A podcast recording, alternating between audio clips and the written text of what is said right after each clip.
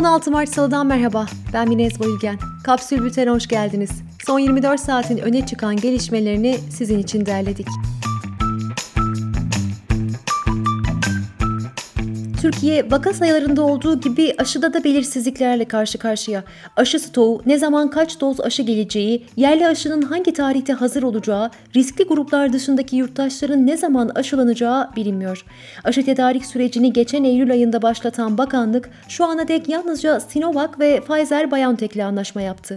Sağlık Bakanı Koca'nın geçen ay verdiği bilgiye göre yaklaşık 15 milyon doz Sinovac aşısı temin edildi. Sahadaki hekimler bu sayının 14,5 milyon civarında civarında olduğunu tahmin ediyor. Türkiye'de 65 yaş üstü ve sağlık çalışanlarının toplamı 9 milyon. Bu iki grubun tamamı için 18 milyon doz aşı gerekiyor. Hekimler ikinci doz aşılamada aksama yaşandığını aktarıyor. Tarım ve Orman Bakanlığı, Kaz Dağları'ndaki çevre katliamıyla gündeme gelen Kanadalı Alamos Gold firmasının iznini iptal etti. İptal gerekçesi bölgede altın çıkarma ruhsatının uzatılmaması. Asrın Hukuk Bürosu PKK lideri Öcalan'ın öldüğüne ilişkin iddiaları ciddiye aldıklarını ve görüş izni istediklerini duyurdu. Büro 27 Nisan 2020'den bu yana Öcalan'dan haber alamadıklarını aktardı.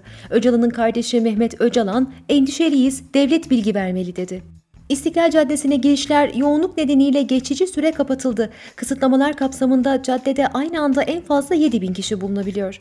Cumhurbaşkanı Erdoğan, AKP'nin üye sayısının 11,5 milyonu aştığını açıkladı. Bilim Kurulu üyeleri mavi kodlu iller dışındaki illerde hafta sonu yasaklarına dönülmesi, kırmızı kodlu illerden giriş çıkışların sınırlandırılmasını talep etti. Cumhurbaşkanı Erdoğan, şehirlerimizdeki mevcut uygulamayı bir süre daha sürdürme kararı aldık dedi. Böylece şehirlerdeki kısıtlama uygulamaları değişmedi.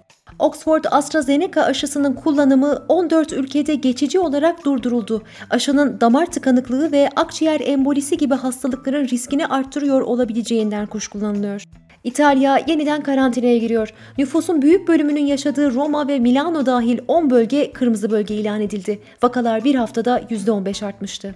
Mısır Devlet Başkanı Sisi'ye yakın El Vatan gazetesi Ankara'nın Kahire ile ilişki kurma arzusunu 10 şarta bağladı. Buna göre Ankara, Türkiye'deki Müslüman kardeşler üyelerinin hakkından gelinmesi için Interpol'ü engellemeyi bırakmalı. Ayrıca bu konuda Avrupa'ya itiraz etmeden yargı sürecini başlatmalı. Gazete, Türkiye'nin Mısır yönetimini teskin etmek için Müslüman kardeşler üyelerini toplu halde Kahire'ye teslim etmeyi teklif ettiğini de öne sürdü.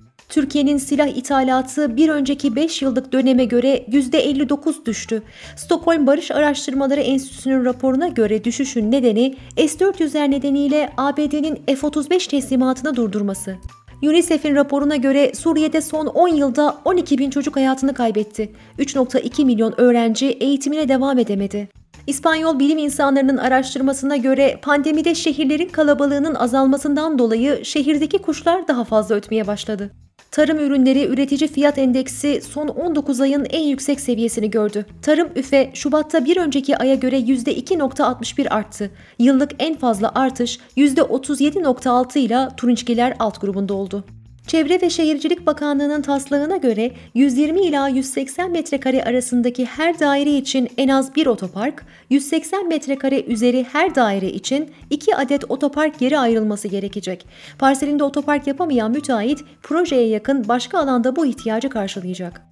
Disk, BİSAM, Şubat ayı açlık ve yoksulluk sınırı araştırmasının sonuçlarını paylaştı. Raporda 18 yılda açlık sınırının 6.6 kat arttığına dikkat çekildi. Şubat ayında açlık sınırı 2681 liraya, İstanbul'da ise 2850 liraya yükseldi. Yoksulluk sınırı 9274 lira oldu.